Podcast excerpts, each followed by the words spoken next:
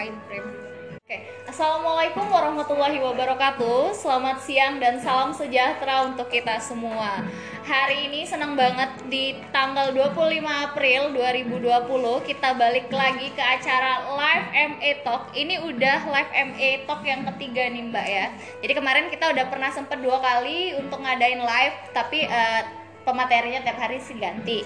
Nah kebetulan hari ini seneng banget kenapa? Karena kita udah kedatangan dua pemateri yang luar biasa cantik banget. Oke. Yang pertama ada Ibu Florencia Deborah. Beliau ini adalah senior manager penjualan pegadaian area Palembang.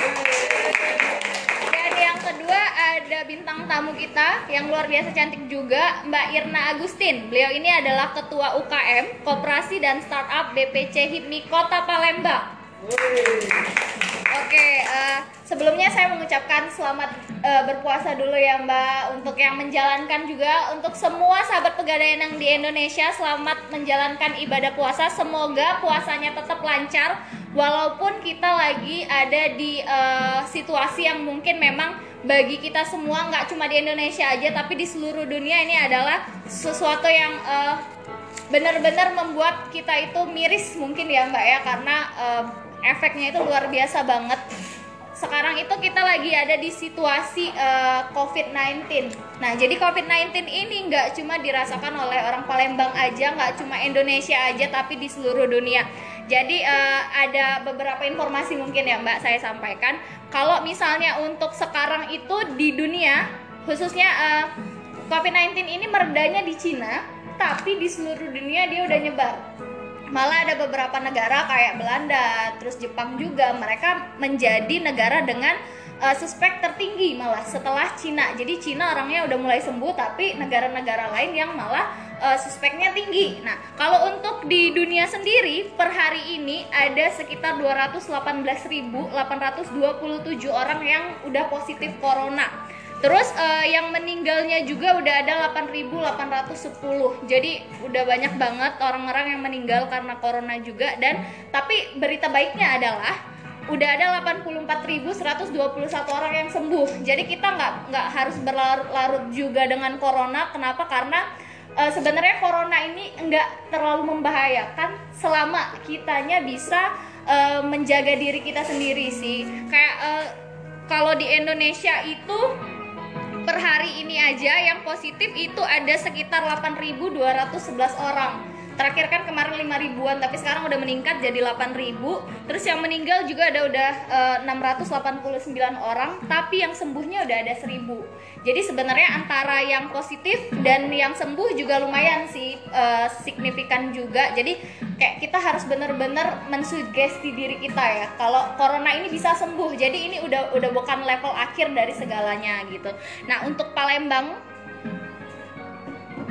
untuk Palembang itu ada sekitar 926 ODP dan positifnya 57 lumayan juga sih tinggi juga ya. Kalau untuk uh, Mbak Irna sama Bu Debi sendiri nih untuk yang COVID ini uh, adakah adakah cara-cara uh, yang mungkin bisa uh, setiap hari digunakan untuk mencegah COVID-19 dari Mbak Irna dulu mungkin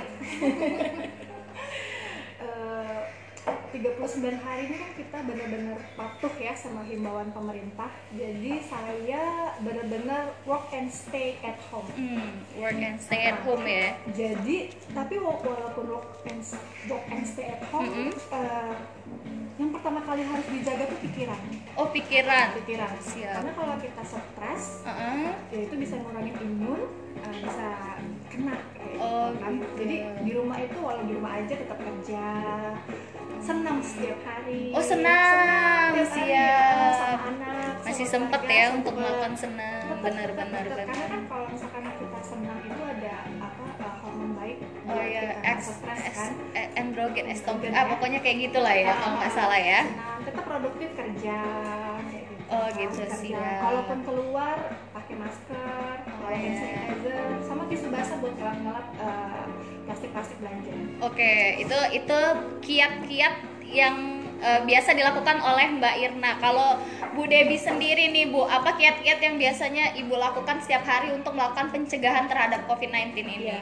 Eh, kalau untuk kita yang bekerja, Oh, iya, apalagi siap. yang bekerja di bagian publik ya, Iya. pelayanan jasa, Heeh. itu eh, biasanya untuk sebelum mengawali aktivitas kerja ya minum vitamin. Oh, minum itu. vitamin. Minum vitamin, pola pikirnya ya dibikin positif. Ya Iya. istilahnya boleh sih kita baca-baca berita eh, berapa sih jumlah peningkatan kasus atau Heeh. berapa sih yang sembuh, tapi itu jangan dijadikan paranoid seperti itu. Oh, gitu. Ah, biasanya kalau untuk di kantor kita sih sekitar jam 8 sampai jam setengah 10 itu kita berjemur dulu sebelum mulai aktivitas. Oh, gitu. Ah, iya. Siap. Jadi siapkan masker, Mm-mm. sarung tangan, ya tetap bekerja seperti biasa. Jadi jaga jarak lah, jaga Benar. jarak.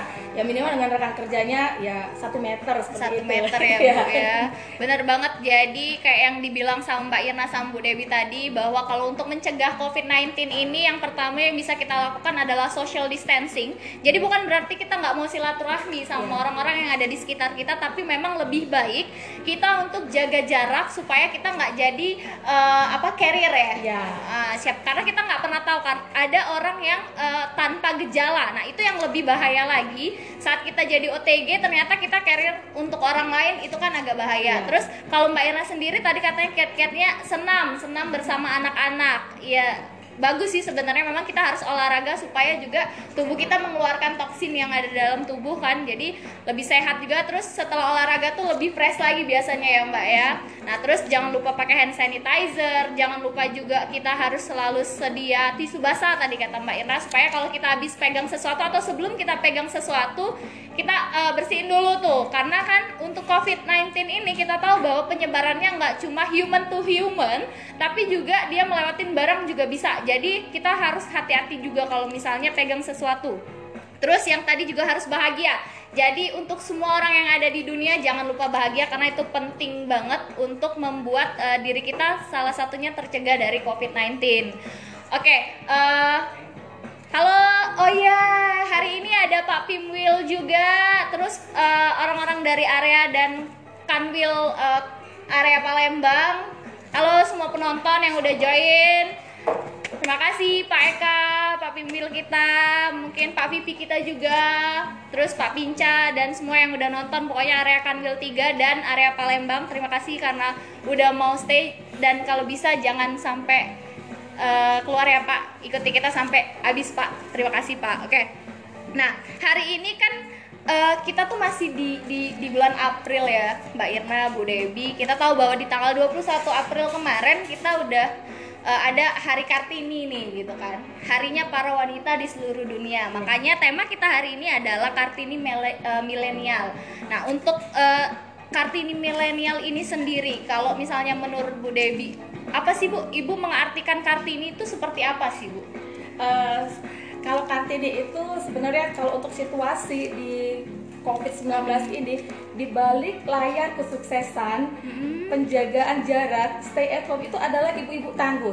Jadi untuk ibu-ibu Indonesia kami mengucapkan terima kasih jika angka pertambahan daripada virus corona itu tidak bertambah itu karena ibu-ibu semua. Seperti itu. Oh gitu. Jadi berarti peran Iya. terbesar uh, uh, pencegahan COVID itu ada di ibu-ibu ternyata iya, ya. Iya, biasanya kan gini kalau nggak ada virus corona, ibu-ibu maunya shopping. Oh, gitu kan. iya, benar, iya, nge-mall, arisan Ah. atau apa. Jadi kalau dengan adanya stay at home ini, peran ibu-ibu lah yang sangat penting. Oh iya benar, ibu-ibu ya. harus kayak, aduh stop dulu nih shopping Iya. gitu kan, aduh stop dulu nih kongko-kongko Iya. gitu kan, di rumah aja, Di rumah aja. nanti kita nyebarin covid gitu Iya. ya, benar juga. Kalau misalnya Mbak Irna sendiri nih, eh, bagaimana Mbak Irna itu me- me- apa ya, eh, me-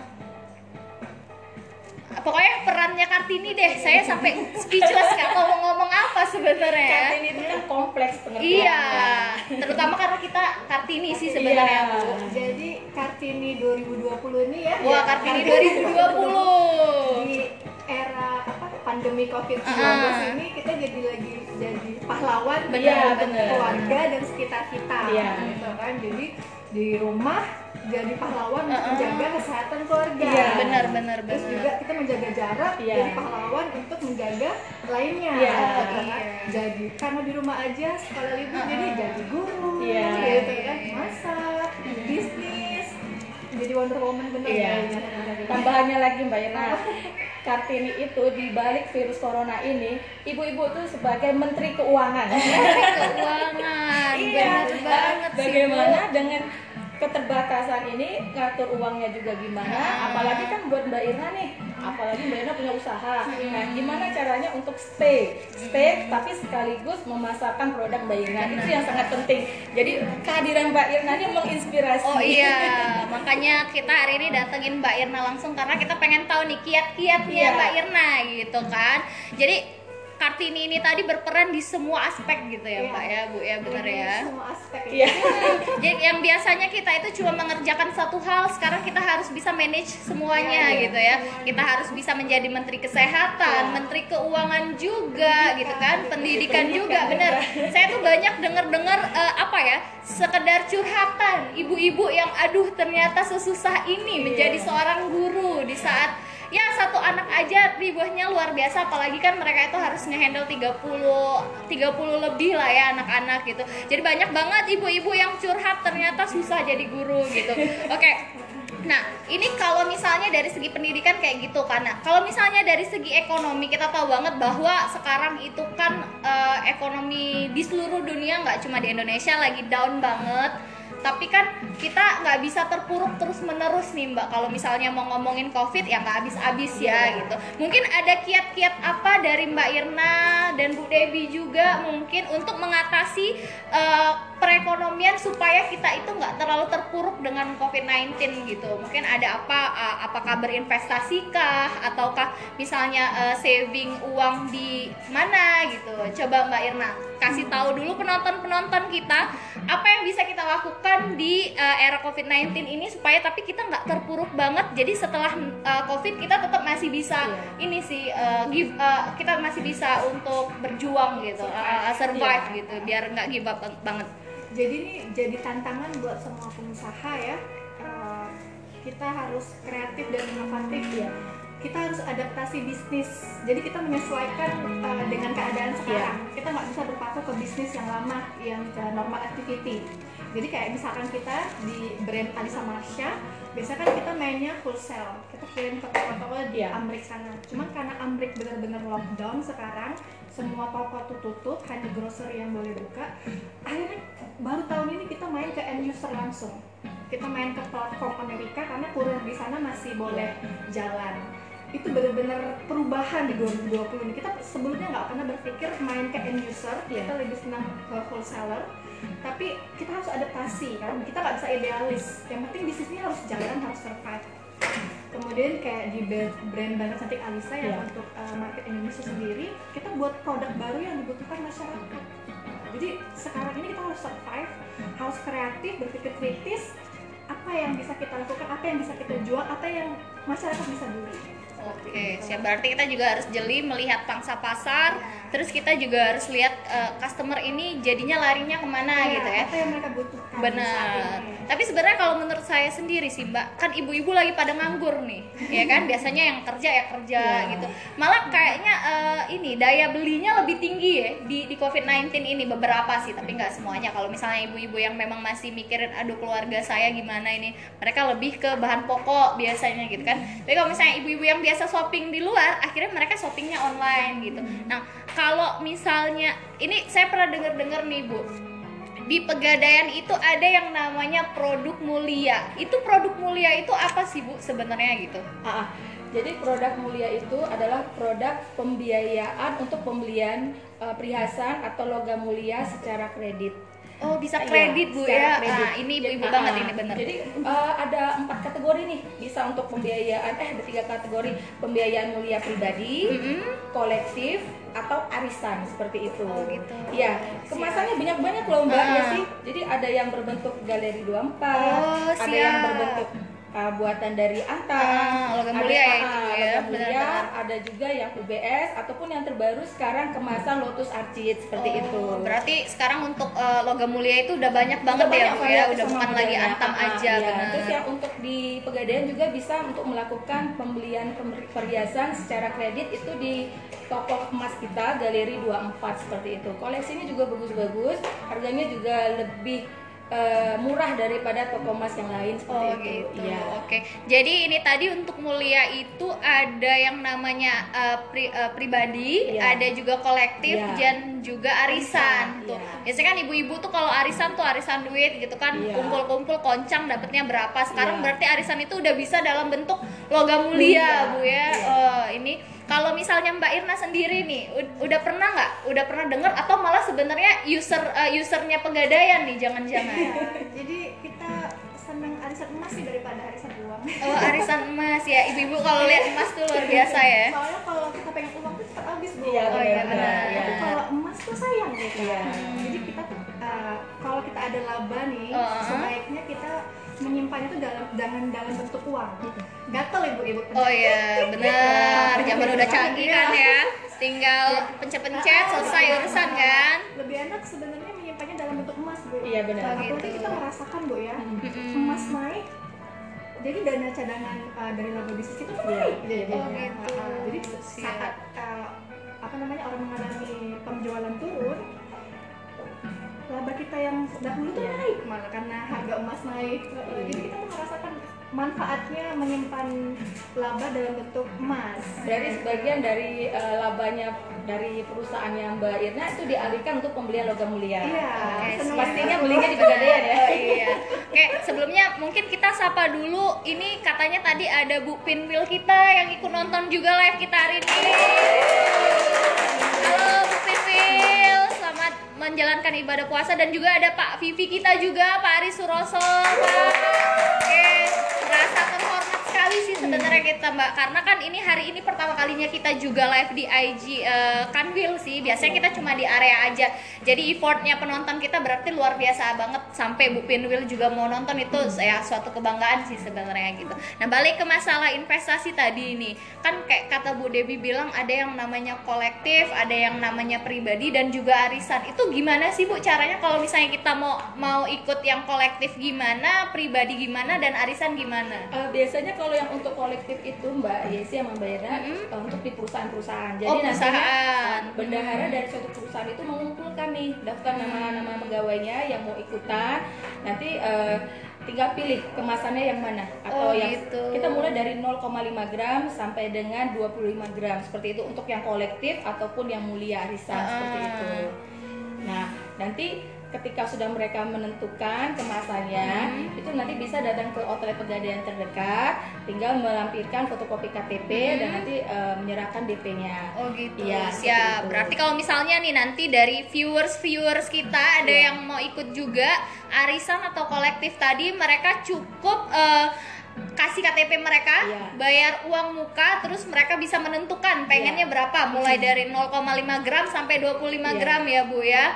Nah berarti nanti kalau misalnya kayak saya nih bu gitu kan, siapa tahu gitu bu, pengen pengen ambil mulia, berarti nanti eh, ada ada ada uang yang uang muka yang harus saya bayar itu biasanya gimana sih bu? Kalau misalnya itu apakah ada skema eh, simulasinya kah gitu kan? Karena kan kita tahu bahwa yang namanya eh, emas ini kan luar biasa banget Mbak Irna karena jangankan cewek sih sebenarnya saya Iya. rasa bapak-bapak juga banyak banget sekarang yang mulai investasi juga gitu kan ya siapa tahu ada dari viewers kita yang mau ikut juga mungkin bun kalau misalnya untuk eh, uang mukanya itu biasanya berapa gitu Untuk uang mukanya itu biasanya 10 sampai dengan 15 persen Oke. itu.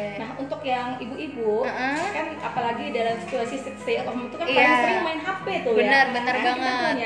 silakan download di Pegadaian Digital Service itu nanti bisa diambil dari Play Store. Nanti di situ Heeh. bisa ada harga LM setiap harinya. Oh, Jadi gitu. itu bisa patokannya seperti itu.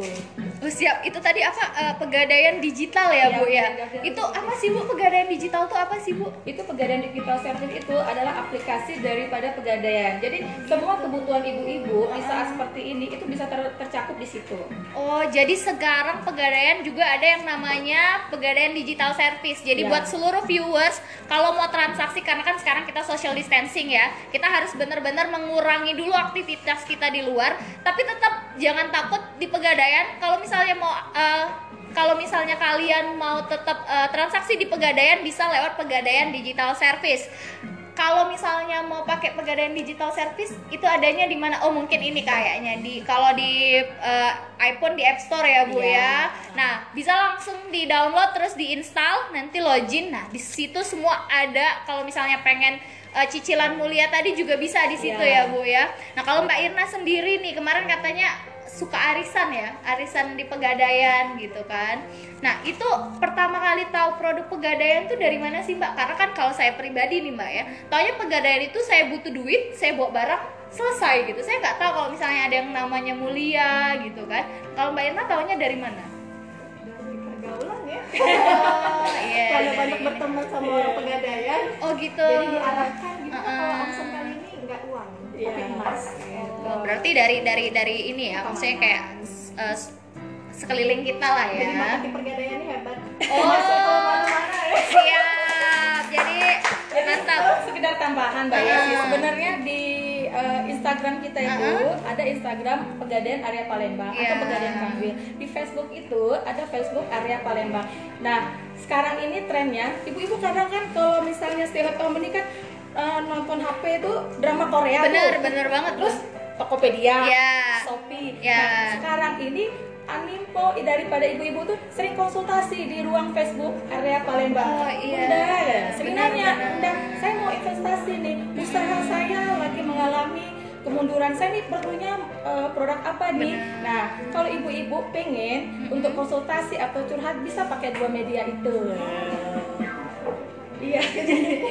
Oke. Jadi kalau misalnya yang yang nggak bisa datang ke Pegadaian tadi bisa lewat Facebooknya area Palembang di Pegadaian area Palembang itu fanpage-nya eh, area Palembang atau enggak di Instagram Pegadaian area Palembang ya Bu. Jadi Iya. kalau misalnya ada yang mau nanya-nanya boleh langsung nanti di DM aja atau di komen di Facebooknya boleh silakan nanya apa aja gitu. Oke, eh, ini katanya ada pertanyaan boleh dari Mbak Bella Najib. Ini pertanyaannya Mbak nanya kalau seandainya saya mau ambil mulia tapi melunasi dipercepat apakah bisa? Apakah barangnya langsung ada? Tuh gimana Bun? Nah, kalau ingin melunasi dipercepat itu untuk jangka waktu setelah angsuran dua bulan ya. Setelah Nah, dua bulan. Iya, karena Mhm. kalau kita melakukan pembiayaan mulia itu nomor serinya tuh dicetak khusus dari Antam. Oh, berarti Iya. Spesial gitu ya? Nah, jadi Benar-benar. kemasannya juga ya kemasan yang terbaru. Jadi eh, harus untuk angsuran pelunasan yang bulan kedua. Oh, Nah, harus itu nanti tapi langsung baru ah. barangnya langsung ready. Dan kalau misalnya ingin dilunasin dipercepat, Mm-mm. itu kita nggak kena penalti. Jadi ada diskon, diskon margin seperti itu. Oh, berarti kita ini kalau misalnya cicil gitu ya, Iya. udah setelah dua bulan terus Iya. mau kita lunasi nanti dapat lagi eh, apa tadi diskon juga ya? nggak kena penalti. Oh, nggak kena itu. penalti. Ah, ah. Oh, berarti enak sih. Maksudnya Iya. ya siapa tahu kan kalau misalnya mau beli cash ya tau lah kebutuhan ibu-ibu Iya. apa ya saya juga walaupun belum ibu-ibu sih kebutuhannya banyak sih bun jadi eh, beli dulu cicil. Tapi kalau misalnya nanti ada uang buat lunasin bisa langsung cepet Bisa dilunasin. langsung berarti ya nggak lunasin, harus misalnya saya ambil 12 bulan harus 12 bulan dulu. Iya. enggak berarti ya. Berarti sebenarnya banyak banget sih keuntungan kalau misalnya kita ambil mulia di pegadaian ini ya. Nah kalau misalnya Mbak Irna sendiri nih, selain produk mulia tadi yang arisan, apa bisa mungkin pernah ambil produk apa gitu di pegadaian gitu kan? Soalnya kan pelaku usaha, karena kita tahu banget bahwa pelaku usaha ini kan kayak butuh modal juga ya Mbak ya. Mungkin pernah selain eh, eh, arisan tadi, apakah gitu Mbak Irna yang pernah Mbak Irna lakukan di pegadaian mungkin ya? makanya itulah keuntungan kita nyimpan sebagian laba dalam bentuk emas Bu. Iya. jadi ketika kita butuh kredit cepat aman Wow, kredit cepat aman. Jadi kita ambil KCA KCA. Oh, KCA. KCA Siap. itu mbak ya Ah. Palembang bilang gadai. Oh, oh gadai. Bahasa Datang ke pegadaian KCA. untuk gadai Iya. gitu ya, bener-bener. Tapi bahasa kerennya KCA. Mantap, siap-siap. Jadi emas itu kan harganya relatif stabil Iya. malah kadang tinggi Iya, ya benar. Uh, uh, makanya lebih enak nyimpan laba itu sebagian dalam bentuk emas Oh, gitu. Nah, Berarti- dana cepat KCA gitu. jadi eh, kita beli nih emas gitu kan, kita simpan untuk eh, ya, ada laba ada Ya, uang, gimana? benar. Kita Ya. beli dulu terus untuk melindungi modal, melindungi ya. eh, uang kita gitu. Terus butuh uang langsung ke pegadaian lagi KCA. Jadi belinya di pegadaian, gadai lagi di pegadaian. Serba bisa Bu, Iya. ya berarti pegadaian ini makanya ya. eh, pegadaian itu serba bisa Benar-benar. Kalau tagline-nya tuh Iya. mengatasi masalah tanpa masalah. Benar. Berarti itu sebenarnya yang buat tagline itu luar biasa Iya. Bu ya sebenarnya. Kalau untuk eh, pelaku bisnis seperti Mbak Irna ini kan dia butuh modalnya cepat. Iya, Nah, benar. Biasanya sih dari ibu-ibu, Mhm. biasanya dia melakukan eh, untuk kebutuhan dananya itu pakai produk KCA. Oh, KCA. Karena kalau misalnya eh, pada saat jatuh tempo Mhm. belum bisa dilunasin, dia kan bisa dicicil. Oh, gitu. Bisa dicicil atau dibayar bunganya aja seperti itu. Hmm, udah dia cepet terus untung juga lagi Hmm. prosesnya juga nggak lama Iya, gitu ya. Ibu-ibu ah. banget kan Iya. pengennya tuh yang cepet-cepet terus menguntungkan. Bener-bener. Itu prinsip ibu-ibu yang nggak bisa dibuang banget ya. Oke sekali lagi kita sapa untuk semua penonton yang masih uh, setia dengan kita mengikuti live ini. Oh ya saya juga mau nginfoin bahwa hari ini kita bakal ada pengumuman giveaway minggu kemarin. Jadi buat yang kemarin udah kontribusi ikut giveaway jangan lupa hari ini kita pengumumannya. Oke Selain Mulia dan KCA nih Bu, mungkin ada produk lain lagi yang bisa digunakan oleh ibu-ibu di rumah nih, mungkin yang yang manfaatnya banyak banget untuk ibu-ibu di rumah. Kira-kira apa lagi nih Bu? Eh, misalnya kalau ibu-ibu sudah punya tabungan emas, Oh ya, Nah, ini tabungan emas. Terus dimarahin sama suami, eh nggak boleh dong keluar rumah. Oh, iya, benar. Nah, setelah dilakukan penginstalan pegadaian digital service, hmm. itu bisa dilakukan gadai tabungan emasnya seperti itu. oh gitu. Iya. Jadi bukan cuma emas fisik, Iya. tapi juga yang punya pe- eh, tabungan emas pegadaian, Iya. mereka bisa tetap gadai juga ya Bu ya. Jadi eh, suami nggak marah, terus kebutuhan uangnya cepat karena kan langsung ditransfer ke rekening banknya seperti itu. Oh gitu, meminimalisir ya, mantap gitu Iya, kan. usah keluar rumah. Benar. Jadi di pegadaian ini eh, ada produk mulia, ada juga produk tabungan emas, ada juga KCA. Ini berarti penggemarnya ibu-ibu banget sih Ibu biasanya banget, ya. gitu kan, supaya meminimalisir gitu kan. Kalau Mbak Irna sendiri gitu, udah punya tabungan emas belum nih Mbak? Mau buka hari ini Oh baru mau buka hari ini, siap mantap. Viewers, Mbak Irna udah mau buka hari ini, jadi semua viewers harus buka juga. Jangan mau kalah sama Mbak Irna gitu ya. Boleh. Nah, kalau misalnya mau buka tabungan emas itu gimana sih Bu caranya? Tabungan emas itu simpel mbak, dengan uang 56.000 itu Mm-mm. dapat saldo emasnya 0,001 gram seperti itu. 56.000 ribu Iya. langsung dapat saldo. Iya. Wah, luar biasa banget. Mbak Irna sekarang ini nggak zamannya lagi ngasih anak uang jajan berbentuk paket data. Wow. jadi ya, Nah, jadi eh, uang uang jajan anak bisa disisiin nih. 15.000 untuk seminggu masuk tabungan emas itu udah dapet saldo loh sebenarnya. Oh gitu. Iya. Jadi ibu bijak ngajak Iya. anaknya buka Iya. tabungan emas. Iya, tapi ini juga. Mbak Yes untuk anak-anak milenial nih. Oh iya, kan uh, kuliahnya kan sistem online. Iya. Ya, Mm. Pakai data cepet habis Benar. selain untuk daring juga Ah. main game. Nah, Iya, saya juga sih iya, kayak gitu. iya. Jadi kasihan dong maminya, sisihin iya. aja uangnya 15.000 masukin di tabungan emas. Oh, pesan sponsor. Eh ya siap commercial break ya Bu. Mantap harus selalu itu. Iya. Jadi buat uh, viewers viewers jadi kalau untuk tabungan emas ini berarti nggak cuma harus orang tua aja dong ya Bu ya. Kalau iya. misalnya pun uh, generasi milenial ya syaratnya nih Bu salah satunya kalau nggak salah katanya harus udah punya KTP juga Iya, ya. iya. Nah jadi kalau misalnya udah punya KTP boleh nih langsung aja datang pe- ke pegadaian bayarnya 56.000 Tapi karena kita lagi social distancing bisa lewat pegadaian digital service. Nah kalau misalnya lewat pegadaian digital service lebih mudah lagi dari rumah kalian udah bisa punya tabungan emas dan dapat saldo emas ya Bu Iya. ya. Di mana lagi bisa dapat saldo tabungan emas kalau nggak di pegadaian? Mau aja, Iya. setornya aja bisa lewat mobile banking Bisa itu. mobile banking Iya, juga ya, Bu, ya. Jadi nantinya eh, segala sesuatunya serba online tanpa perlu keluar rumah. Iya, karena kan kita tahu nih kalau zaman sekarang itu males bu ribet gitu kan, apalagi kalau misalnya lagi PW, lele di rumah gitu kan, mau keluar panas, Iya. lagi mbak-mbak kan yang skincarean kan, skincare yang mahal, ah, mending dari rumah. Nah kalau di pegadaian udah bisa lewat PDS itu kan berarti memudahkan Iya. semua orang untuk bertransaksi gitu kan. Kalau Mbak Irna sendiri nih baru mau buka hari ini, berarti PDS-nya udah ada belum? Belum juga berarti kan?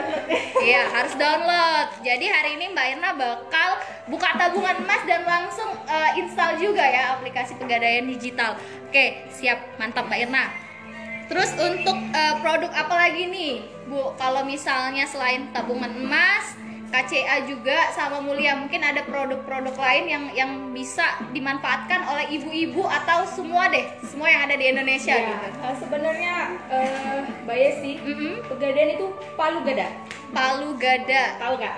Apa, Bu? Apa yang ibu-ibu minta, pegadaian selalu ada. Oh, palu gada.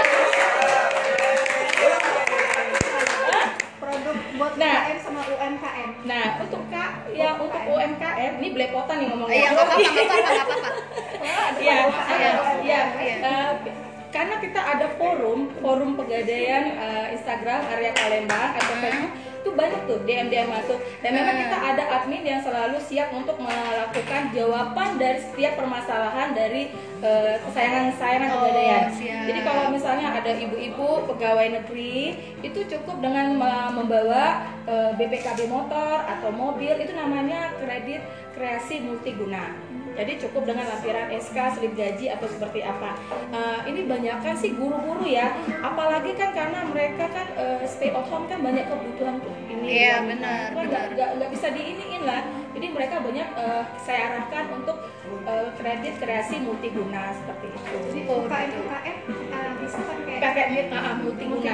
Iya, seperti itu. Kalau untuk yang UKM, krea- ada juga produk yang namanya kreasi seperti itu. Kreasi ultra mikro dengan Hmm. pinjaman minimal sampai dengan 10 juta seperti itu. Iya.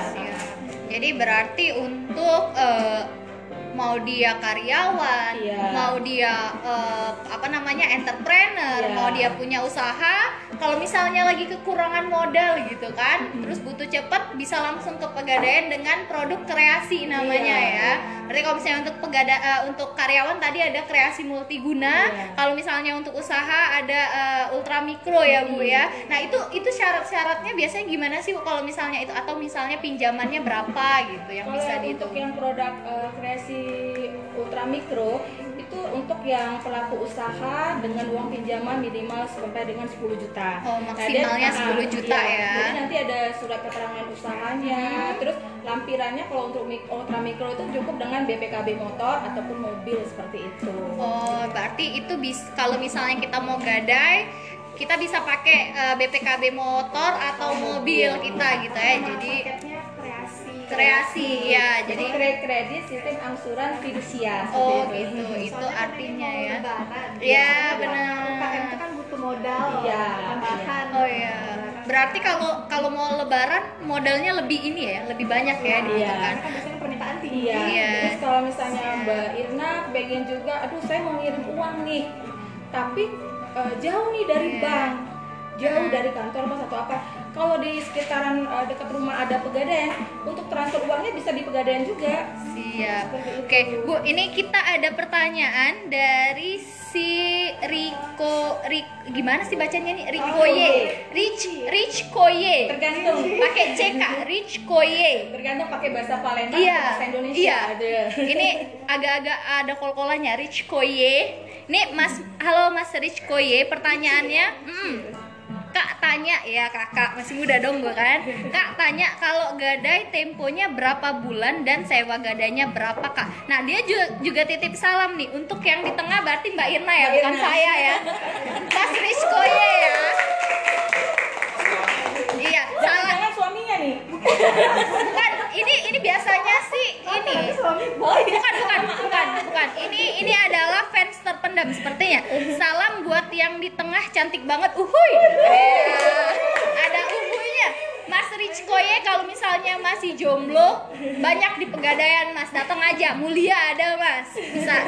Oke. Boleh pun mungkin di, di, dibantu jawab kalau gadai temponya berapa bulan terus sewa gadainya berapa Iya. Eh, untuk saat ini sewa modal daripada Gade 0,75 per 15 hari. 0,75 per ah, 15 ya, hari. Takutnya nih apa karena saya eh, lagi acara ini ngeblank lupa, silakan nanti hubungi dokter. Boleh, terdekat. siap. Jangka waktunya 4 bulan. 4 bulan. Itu bisa dilakukan untuk pembayaran bunganya Uh-uh. aja atau sekaligus penyicilan atau angsuran Gade. Iya boleh. itu. Siap. Berarti Mas Rich Koye kalau misalnya mau lebih lengkap lagi boleh silakan datang aja langsung ke Pegadaian atau hubungi uh, Instagram @pegadaian area Palembang di DM aja nggak apa-apa. Tapi kalau misalnya untuk yang di tengah, maaf Mas udah sold out, jadi nggak bisa di ya nggak bisa diganggu gugat. Tapi salamnya diterima lah. Yang uhuinya apalagi diterima banget itu.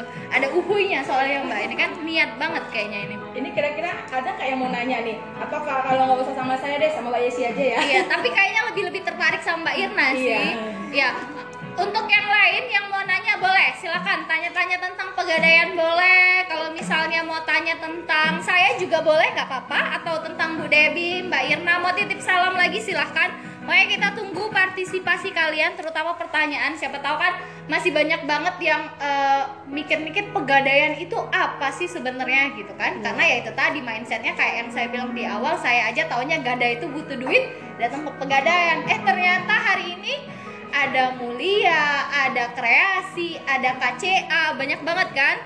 Aduh, uhuy, dapat hadiah nggak nih? Ada Mas Rich Koye. Gue suka gaya lo. Oke, tetap.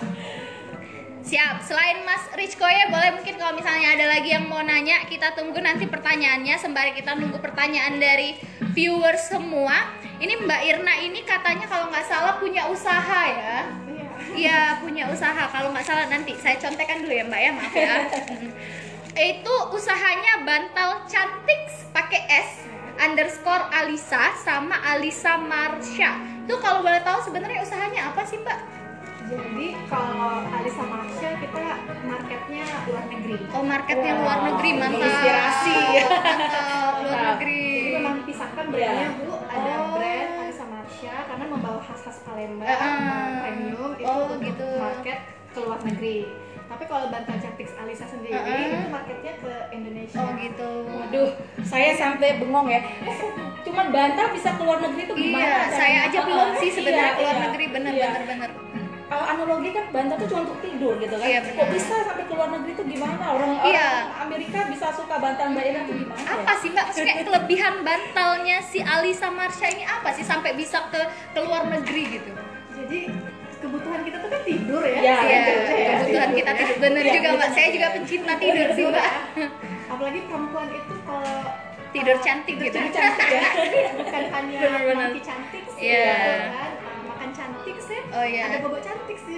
pokoknya semuanya tidur makan kongko semuanya harus cantik gitu ya iya, uh, Terus orang luar kan senang uh, sejarah, Iya. senang Oh, gitu. budaya kita, Mm-mm. terus senang yang bersifat handmade Iya. gitu Oh, kan. gitu. Jadi kita buat brand Alisa Marsha itu selain jual produk sebenarnya pengen memperkenalkan Palembang ke luar negeri. Iya. Oh, berarti memang sebenarnya dari nilai historinya Iya, gitu ya dari nilai his berangkat dari nilai histori terus kita memenuhi keinginan pasar juga akhirnya ada eh, muncullah brand Alisa Marsha gitu ya Iya. siap tapi mereka senang home decoration oh home decoration iya sih dia semuanya dari kamar sampai dapur cantik sih gitu. Iya.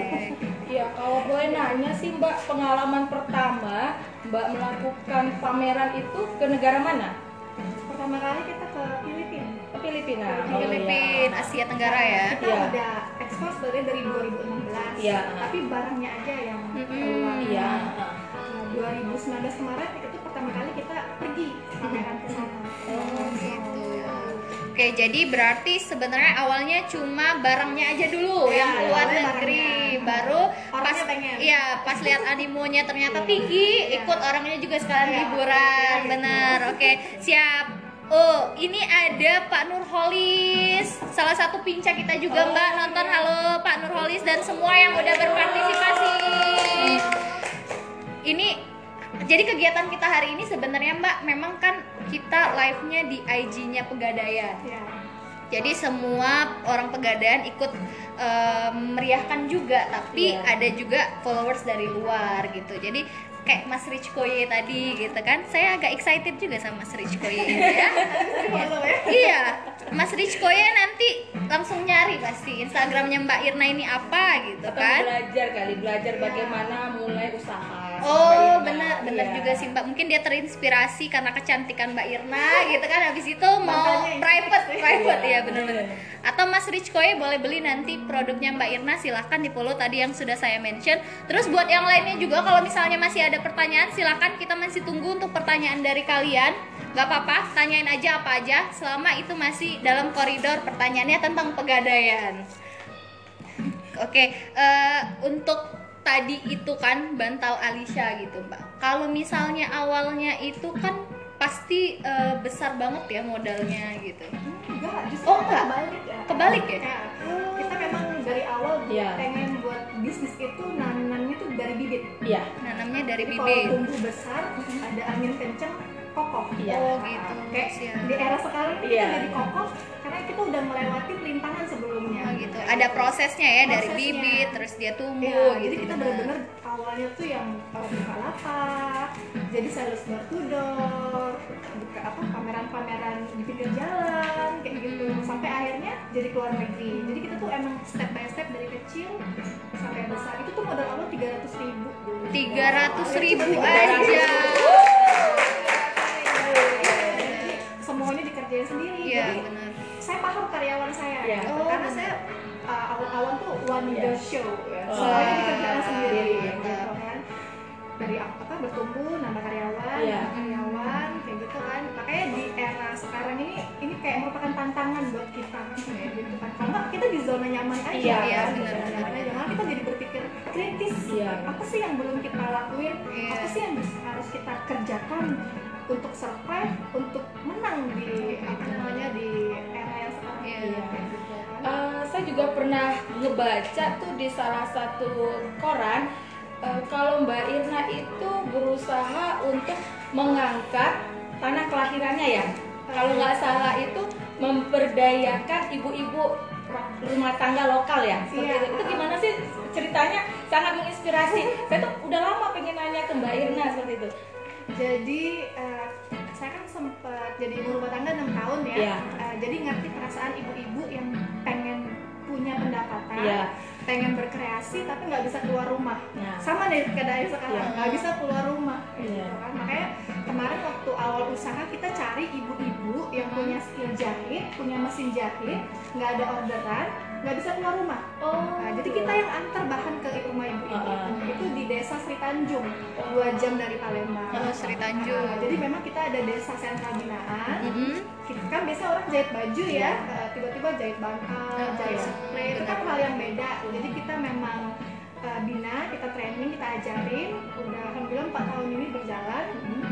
Jadi eh, kondisi ini tuh gak mengganggu kita karena kita udah terbiasa work and stay at home. Oh, gitu. Untuk kondisi saat ini, apakah ibu-ibu yang diberdayakan itu mengalami dampaknya atau maksudnya gini, Mbak Irna kurangin jumlah personalnya atau tetap seperti itu? makanya itu jadi PR buat Iya. saya sebagai Ah. owner jangan Iya. sampai ibu-ibu ini stop jahit Ah, luar biasa.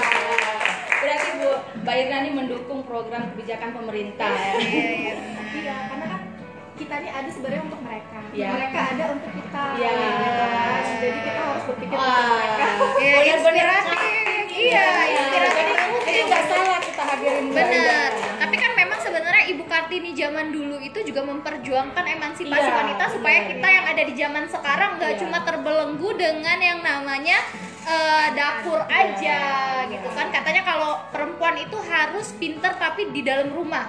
Mereka nggak boleh ke mana-mana, cukup untuk menjalankan eh, tanggung jawab sebagai wanita. Itu kan zaman sebelum Ibu Kartini gitu kan. Nah tapi kalau setelah Ibu Kartini menyuarakan gitu kan, akhirnya kita zaman sekarang kayak sekarang bu kita kita Iya. bisa kerja mbak Irna bisa buka UKM gitu kan. Itu berarti memang sebenarnya hasil dari perjuangan ibu kartini Iya. zaman dulu sebenarnya. Berarti emang emang eh, kita harus berterima kasih banget untuk ibu kartini karena jasa beliau.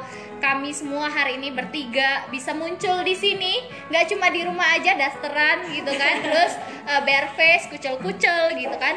Kayak terima kasih ibu kartini. Nah jadi Ya, makasih Ibu. Ibu Kartini jasamu tiada tara lah pokoknya. Nah terus tadi kayak kata Mbak Irna kan bilang awalnya itu modalnya cuma 300 ribu gitu kan. Kalau saya pribadi nih Mbak, saya tuh pengen punya usaha tapi yang ada di saya itu mindsetnya adalah saya butuh modal yang besar malah. Karena eh, saya nggak mau nanti kalau misalnya usaha itu terpuruk, sayanya bangkrut. Nah ternyata kan ter- eh, mindset itu salah juga dari dari modal kecil ternyata bisa besar. Bahkan keluar negeri itu nggak mudah ya. Karena saya kan anak manajemen keuangan. Oh sombong. Maaf, maaf. ketika saya belajar manajemen keuangan itu mak- makanya mindset saya akhirnya terbentuk bahwa modal itu dibutuhkan gitu kan. Agak sedikit lah orang yang dari modal kecil bisa jadi besar apalagi keluar gitu kan. Apalagi keluar banyak banget yang harus diurus gitu kan. Persyaratannya itu luar biasa banget. Nah berarti Mbak Irnanya itu memulai dari awal modal yang kecil gitu dan sekarang tumbuh besar. Wajar kalau tadi Mbak Irna bilang eh, kalau misalnya pun ada badai datang udah biasa aja ya Mbak ya karena memang mulainya dari awal. Terus itu juga eh, buat semua viewers kalau mau mulai usaha nggak bisa langsung dapetnya gede berarti memang harus dari kecil dulu berproses dulu baru bisa jadi besar ya Mbak ya Iya. karena kan kita tahu bahwa orang zaman sekarang pengennya instan buka usaha hari ini besok langsung dapat eh, labanya 1 m nggak bisa kayak gitu kan ya mbak ya semua perlu proses yang Iya. Iya. Eh, kita kan akuntansi ya. Oh iya benar lebih lebih hitungannya bu iya harus balance Iya, debit kredit ya. balance Makanya saya sempat dengar juga nih, saya penasaran mau nanya. Katanya nih, dengan kos yang seminim-minimnya dapat keluar laba sebesar besarnya labanya gede tuh. Iya, benar. Nggak ya? makanya kita harus cerdas Cerdas. Oh, intinya Jadi ibu harus cerdas, gitu ya. ya. jadi teori itu kepake bu Iya. jadi kan kita yang ngerekrut pegawai Iya. Kita nggak- tapi nggak beli alatnya Iya. kita cari orang yang mau kerja Iya. yang punya alat nanti kita nggak perlu beli kan Iya, benar. jadi nggak kos besar Iya. gitu kan terus uh, dia punya skill terus uh, jadi setahun pertama usaha tuh bu kita tuh bener-bener saya saya ya kalau karyawan tetap digaji Iya. bener-bener nggak nyicip hasil usaha Iya. karena saya pengen lihat usaha saya ini bisa dikembangkan atau enggak Oh, saya gitu. tuh nggak mau langsung uh, begitu mulai usaha sewa butik gede Iya. Heeh. uh, tapi kita belum punya market benar Iya. benar benar benar Nah, kayak gitu rugi nggak mau rugi Iya, kan? benar, benar, rugi benar. kan? kan kalau sini kalau saya uh, sewa toko nggak ada berapa. benar, benar. makanya setahun itu saya tuh step by step dari door to door Ah. dari buka lapak pinggir jalan Iya. habis itu buka event di mall sampai ke luar negeri kan melihat dulu marketnya melihat dulu respon jadi uang laba itu untuk memperbesar usaha bukan untuk memperkaya diri dulu gitu. Itulah untungnya laba itu sebagian dijadikan emas. Gitu siap. Berarti intinya yang pertama itu adalah berawal dari cerdas. Iya. Cerdas dulu tapi butuh modal juga tetap ya mbak ya? Iya kita harus cerdas mengelola keuangan iya benar Jadi jangan ada laba langsung konsumtif, Iya. ada untung langsung konsumtif. Enggak, kita harus investasi. oh iya Investasi itu digunakan untuk membangun bisnis. Iya. Oke itu ada pegadaian ya. Iya. Iya, balik lagi pegadaian ini adalah palu gada. Ibu mau Iya, apa semua ada gitu kan. Itu pegadaian. Nah, Oke, eh, tadi saya bilang kalau hari ini bakal ada pengumuman giveaway ya. Jadi kita bakal kayaknya umumin sekarang aja kayaknya Bu ya. Soalnya udah banyak banget yang penasaran. Tapi sebelum saya ngumumin, halo Bu Sri. Halo, Mas. Pinca saya ini Ibu. Love you Bu. Hai Bu Sri. Makasih Bu sudah mau berpartisipasi. We love you. Itu ada kembaran saya, Mbak Debi dari Iya, Medan. Mbak Devi juga dari Medan, ME Medan ini. Halo Mbak, we love you juga. Oke, jadi kemarin itu kita sempat ngadain giveaway Iya. di area apa IG-nya area Pegadaian Palembang gitu. Nah, kit- ada tujuh orang pemenang yang bakal kita umumin hari ini. Eh, mana ya contekan saya ini mana ya? ya mohon maaf, banyak kan. Oke, jadi untuk pemenang pertama giveaway minggu kemarin itu eh, dengan username IG @rzlsddq. Halo Mas. Pokoknya eh, pemenang pertama itu ada Mas RZLSDDQ. Saya nggak tahu gimana cara bacanya ya karena kayak gini kan. Terus yang kedua itu ada Aji Putra. Oke, selamat kepada ya udah Aji ya katanya. Oh, bukan bukan bukan. Terus yang ketiga itu ada Ed Cici Azhari. Ya, Mbak Cici selain Mbak Cici ada juga, aduh, mohon maaf ya. Di sini ada Mbak Amelia Huda Putrianti. Ya, terus selanjutnya ada Mbak Ap- Aprilia underscore UC. Terus yang kelima, eh, eh, sorry, enam ya, enam, enam, enam. Yang, ya maaf, maaf, lupa, bawaan puasa pak, maklum. At Mikrom 72 Halo Mas Mikrom. Terus yang terakhir ada, aduh, maaf ya, agak agak sedikit loading. Ini bukan. Ya tujuh satu lagi, maaf ya Pak, bentar, kita cari dulu. Ada tadi namanya, saya lupa di kertas satunya. Eh, eh, eh, eh, eh, maaf ya pemirsa, agak sedikit butuh waktu. Ya, pemenang ketujuh adalah jeng jeng jeng. Oke, enggak kayak gitu juga sih kayaknya. Eh, aduh maaf siapa tadi ya namanya? Bukan bukan, Ri- Rich Koye memenangkan senyum kami pada hari ini. Siapa? Maaf maaf, mohon maaf, bentar bentar bentar. Pasti nungguin kan? Belum belum belum, mohon maaf belum belum. Eh, M R M Fajri 31 underscore. Oke. Ya, jadi itu dari giveaway minggu kemarin. Jangan takut, yang nggak nonton kita bakal tetap mention dan kita bakal umumin di eh, IG-nya Pegadaian area Palembang.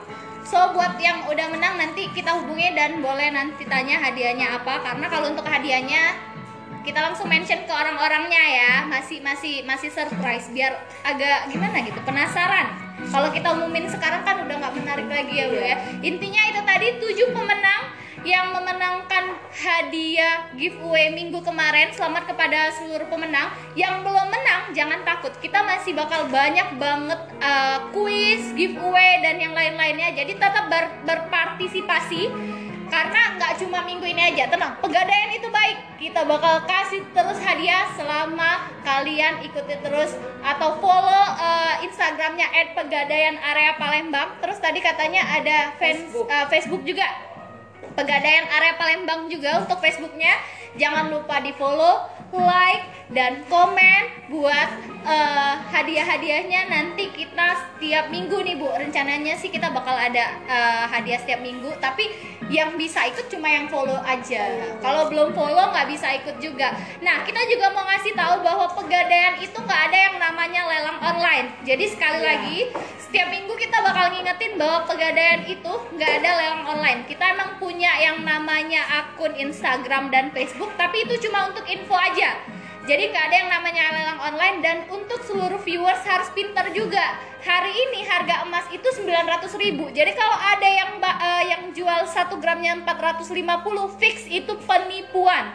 Jadi jangan sampai gara-gara harga murah tergiur eh ternyata tertipu. Lumayan juga kalau beli 2 gram kan bu? Iya. banyak ya ketipunya 900 ribu. Jadi untuk semuanya harus smart kayak kata mbak Irna Cerdas. tadi kita harus cerdas makanya follow dulu pegadaian area Palembang sama Facebooknya pegadaian area Palembang biar tahu update-update tentang harga emas dan semua produk-produknya pegadaian. So jangan lupa ya. Oke ini eh, Mbak Irna. Kalau misalnya ada ada orang-orang yang mau mulai usaha tapi takut maksudnya kayak ya itu tadi seperti yang saya bilang takut kurang modal takut juga untuk ambil step selanjutnya. Kira-kira kiat-kiat apa nih yang bisa mereka lakukan untuk ayo gue berani buat buka usaha bisnis yang paling bagus itu adalah bisnis yang dijalankan bisnis Jadi yang kalau- dijalankan jadi kalau ada niat bisnis Nah. jalankan Oh gitu. Baru Jadi, ya. ya. Jadi ternyata tidak ada di buku-buku pemasaran. Oh, iya. Ini kunci sukses daripada Mbak Irna Benar, sendiri. karena sudah sudah dilakukan dan ternyata berhasil ya. Iya. Jadi niat dijalankan gitu. Oke, terus eh, menurut Bu Dewi sendiri nih Bu, untuk mendukung para eh, viewers-viewers, sahabat pegadaian dan semua orang yang ada di Indonesia untuk bisa buka usaha kayak yang saya bilang kan takut kurang modal Ya. gitu kan Bu. Jadi apa nih yang bisa pegadaian support untuk semuanya? Eh, pegadaian itu terlalu banyak produk ya. Iya. Ah, salah satunya antara lain yang untuk teman-teman yang pelaku UMKM itu adalah produk kreasi. Kreasi Ah, ya untuk iya, UMKM. Ya UMKM. Eh, salah satu dampaknya seperti ini Mbak Yesi. Kalau usahanya bagus, biasanya itu kita bantu untuk melakukan kegiatan-kegiatan promonya gitu. seperti pameran. seperti Benar. itu. Nah, di Pegadaian ini ada yang namanya program kemitraan. Oh, program kemitraan juga Iya, ada. program kemitraan. Jadi kalau misalnya eh, kayak Mbak Irna nih jadi eh, pelaku kemitraan daripada Pegadaian, kita bisa support untuk melakukan kegiatan pameran seperti itu. Jadi kalau misalnya kita udah punya usaha, Iya. terus usaha kita juga bagus dan Iya. kita bermitra dengan pegadaian, Mm-mm. ketika kita mau ada pameran bakal disupport juga Iya, sama pegadaian iya. ya. Wah, di ruang kita, di ruang Facebook itu biasanya kita bantu untuk promosi daripada eh, produk mereka seperti itu. Oh, jadi selain dibantu untuk yang Iya. namanya pameran, dibantu juga promosinya. Iya. Nah, jadi eh, biasanya mereka eh, melakukan DM. "Eh, Bunda, saya pengen dong produk saya dipromosin sama pegadaian. Nanti kita sediain eh, untuk melakukan promosi seperti Oh itu. gitu. Jadi tapi karena biaya promosi itu yang paling mahal ya Bu. Jadi Iya. dibantu lagi sama pegadaian Iya. kurang baik apa Tapi coba pegadaian. Ya tetap itu. aja Bu. karena pokoknya biaya promosi lewat apa pun itu luar biasa sekali Iya. harganya. Terus Iya. dibantu lagi sama pegadaian. Terima kasih pegadaian gitu. Oke. Oh ya, eh, jangan lupa buat semuanya untuk yang namanya pegadaian kita punya eh, apa namanya akun Instagram ya. Akun Instagram resminya pegadaian itu yang pertama adalah pegadaian underscore ID. Jadi kalau ada pegadaian underscore titik ID itu bukan, itu penipuan. Pokoknya cuma pegadaian underscore ID. Terus yang kedua ada pegadaian syariah pusat. Nah, jadi untuk yang kedua itu pegadaian syariah pusat. Terus ada pegadaian area Palembang. Nah, ini Instagram kita yang lagi live sekarang. Terus ada juga pegadaian Kanwil Palembang dan sahabat pegadaian. Jadi itu tadi beberapa uh, akun-akun Instagram resminya pegadaian. Sama jangan lupa di follow juga untuk uh, akun Instagramnya @bantalcantik underscore Alisa dan at Marsha. Itu uh, akun Instagram punyanya Mbak Marsha. Oke, Bu Debi, Mbak uh, Irna, nggak kerasa ya ternyata udah hampir satu jam loh kita ngobrol-ngobrol. Padahal kayak baru lima menit banget ya kita ngobrol ya. Biasalah ibu-ibu kalau udah ngobrol lupa waktu ya. Oke terima kasih banyak uh, untuk uh, Bu Dewi juga untuk Mbak Irna juga karena saya tahu kan sekarang lagi social distancing jadi sebenarnya effortnya luar biasa banget untuk bisa datang ke sini gitu kan. Nah sebelum kita mengakhiri live kita pada hari ini karena kita masih di suasana COVID-19 kita nggak tahu kapan berakhirnya kita berharap kalau bisa sih minggu depan udah selesai wabah ini dan benar-benar nggak pernah datang lagi jadi mungkin eh, kita doa dulu nih supaya kan eh, benar-benar wabahnya tuh hilang. Nah, untuk hari ini kita bakal ada spesial juga yang bakal em, tamu, tamu lah, katanya tamu sih. Anggap saja dia guest star ya, untuk bantu kita berdoa supaya eh, wabah covid ini menghilang selama lamanya. Oke, ya. Oke, eh, ini ada teman kita Pak Pak Wengki Niko Karnevin orang luar kayaknya ini. Bu, ya. Ya. Iya, ini Pak Wengki ini yang akan memandu kita untuk doa kita hari ini untuk seluruh viewers juga. Mungkin kita bisa eh, doa bareng hari ini. Bener-bener kita berdoa apalagi ini kan bulan puasa katanya di bulan puasa ini semua doa itu bakal diijabah sama Allah. Kita berdoa supaya COVID-19 ini hilang terus kita juga eh, kita juga eh, selalu sehat. Eh, perekonomian Indonesia dan dunia juga baik lagi. Pokoknya semua kembali menjadi lebih baik. Boleh mungkin sekarang eh, saya berikan kepada Pak Wengki. Silakan Pak untuk bantu kita memimpin doa. Oh ya boleh. Silakan Ayo Bu kita. Assalamualaikum warahmatullahi wabarakatuh. Waalaikumsalam Alhamdulillahirabbil alamin. Wassalatu wassalamu ala asrofil anbiya'i wal mursalin sayyidina wa maulana Muhammadin wa ala alihi wa ashabihi ajmain. Amma ba'du. Marilah sahabat-sahabat pegadaian kita berdoa bersama untuk Indonesia dan tentunya untuk keluarga-keluarga kita. A'udzubillahi minasyaitonirrajim. Bismillahirrahmanirrahim. Allahumma inna hadzal marada jundun min junudik. Tutsibu bihi man tasha wa tasrifuhu amman tasha. Allahumma fasrifhu anna fa'an buyutina wa'an ahlina wa azwajina wa zarurina. Wa biladina Indonesia